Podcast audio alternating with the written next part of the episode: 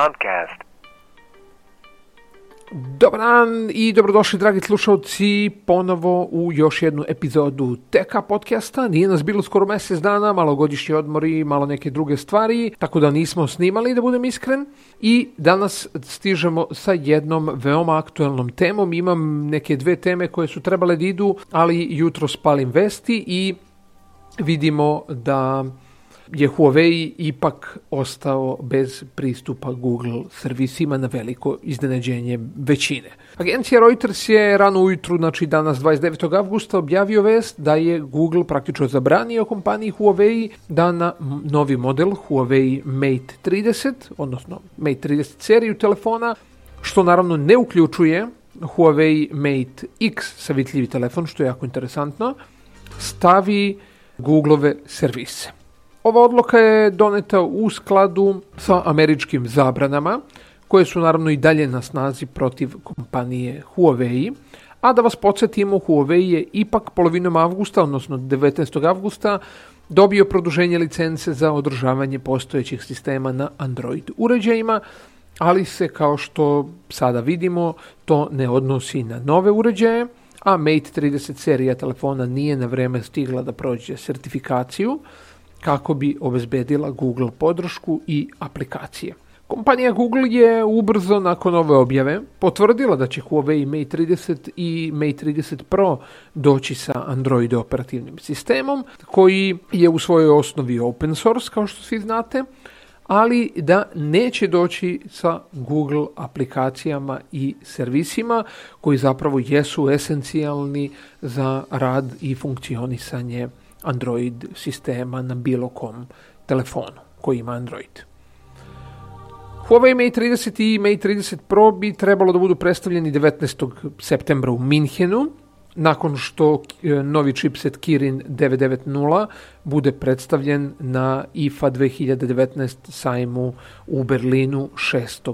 septembra. Sad, uh, Google ima pravo da zatraži dozvolu američke administracije da bude izuzeta iz zabrane poslovanja sa kompanijom Huawei, a prema prethodnim objavama koje nam stižu iz Google-a, oni žele da nastave da sarađuju sa trenutno drugim najvećim proizvođačem telefona na svetu. Znači, prvi je Samsung, drugi je Huawei, treći je Apple, četvrti je Xiaomi trenutno. To je trenutno stanje u, na kraju drugog kvartala 2019. godine a nažalost Google nije potvrdio da je tražio to izuzeće trenutno, a bez nje Google Mobile Services i Google Applications, kao što su YouTube, Google Maps, Gmail, Hangouts, Chrome, Play Music e, i tako dalje, neće moći da se nađu na novim Huawei telefonima.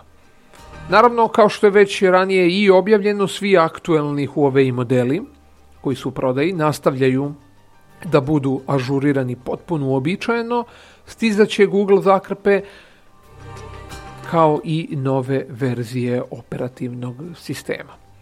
Kompanija Huawei danas nije izašla u javnost sa komentarima ovog ovakvog razvoja događaja, tako da čekamo i njihovu reakciju.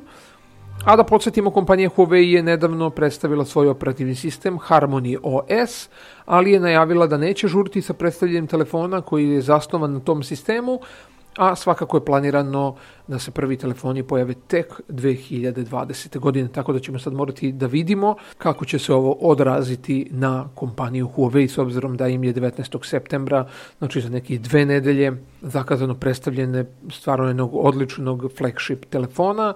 Svi znamo da je Huawei Mate 20 zaista fenomenalan telefon bio kad se pojavio, još uvek je, Tako da su i sad najavili i odličnu kameru i odlične specifikacije, tako da je ovo jako, jako bitno predstavljanje za Huawei. I koji bi zaključak eh, mogli da izvedemo? Definitivno neprijatne vesti za sve one koji vole Huawei brand i vole njihove telefone i zaista rade odličan posao. Vidjet ćemo kako će to da se odrazi na ovo e, lansiranje Huawei Mate serije, zaista vrlo nepovoljna situacija trenutno za kompaniju i naravno čekamo njihovo saopštenje da vidimo šta će oni da izjave e, i da li će biti nekih promena možda umeđu vremenu do izlaska novih telefona.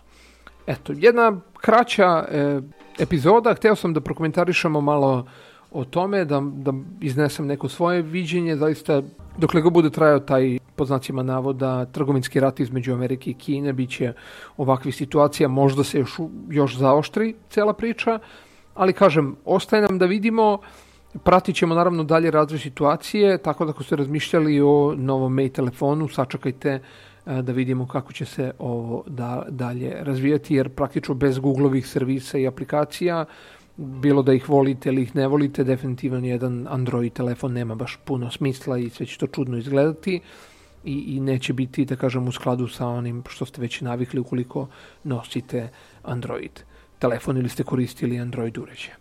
Eto, toliko za sada, nadam se da vam se dopala i ova epizoda, vi naravno ostanite uz TK Podcast do neke sledeće epizode, veliki pozdrav!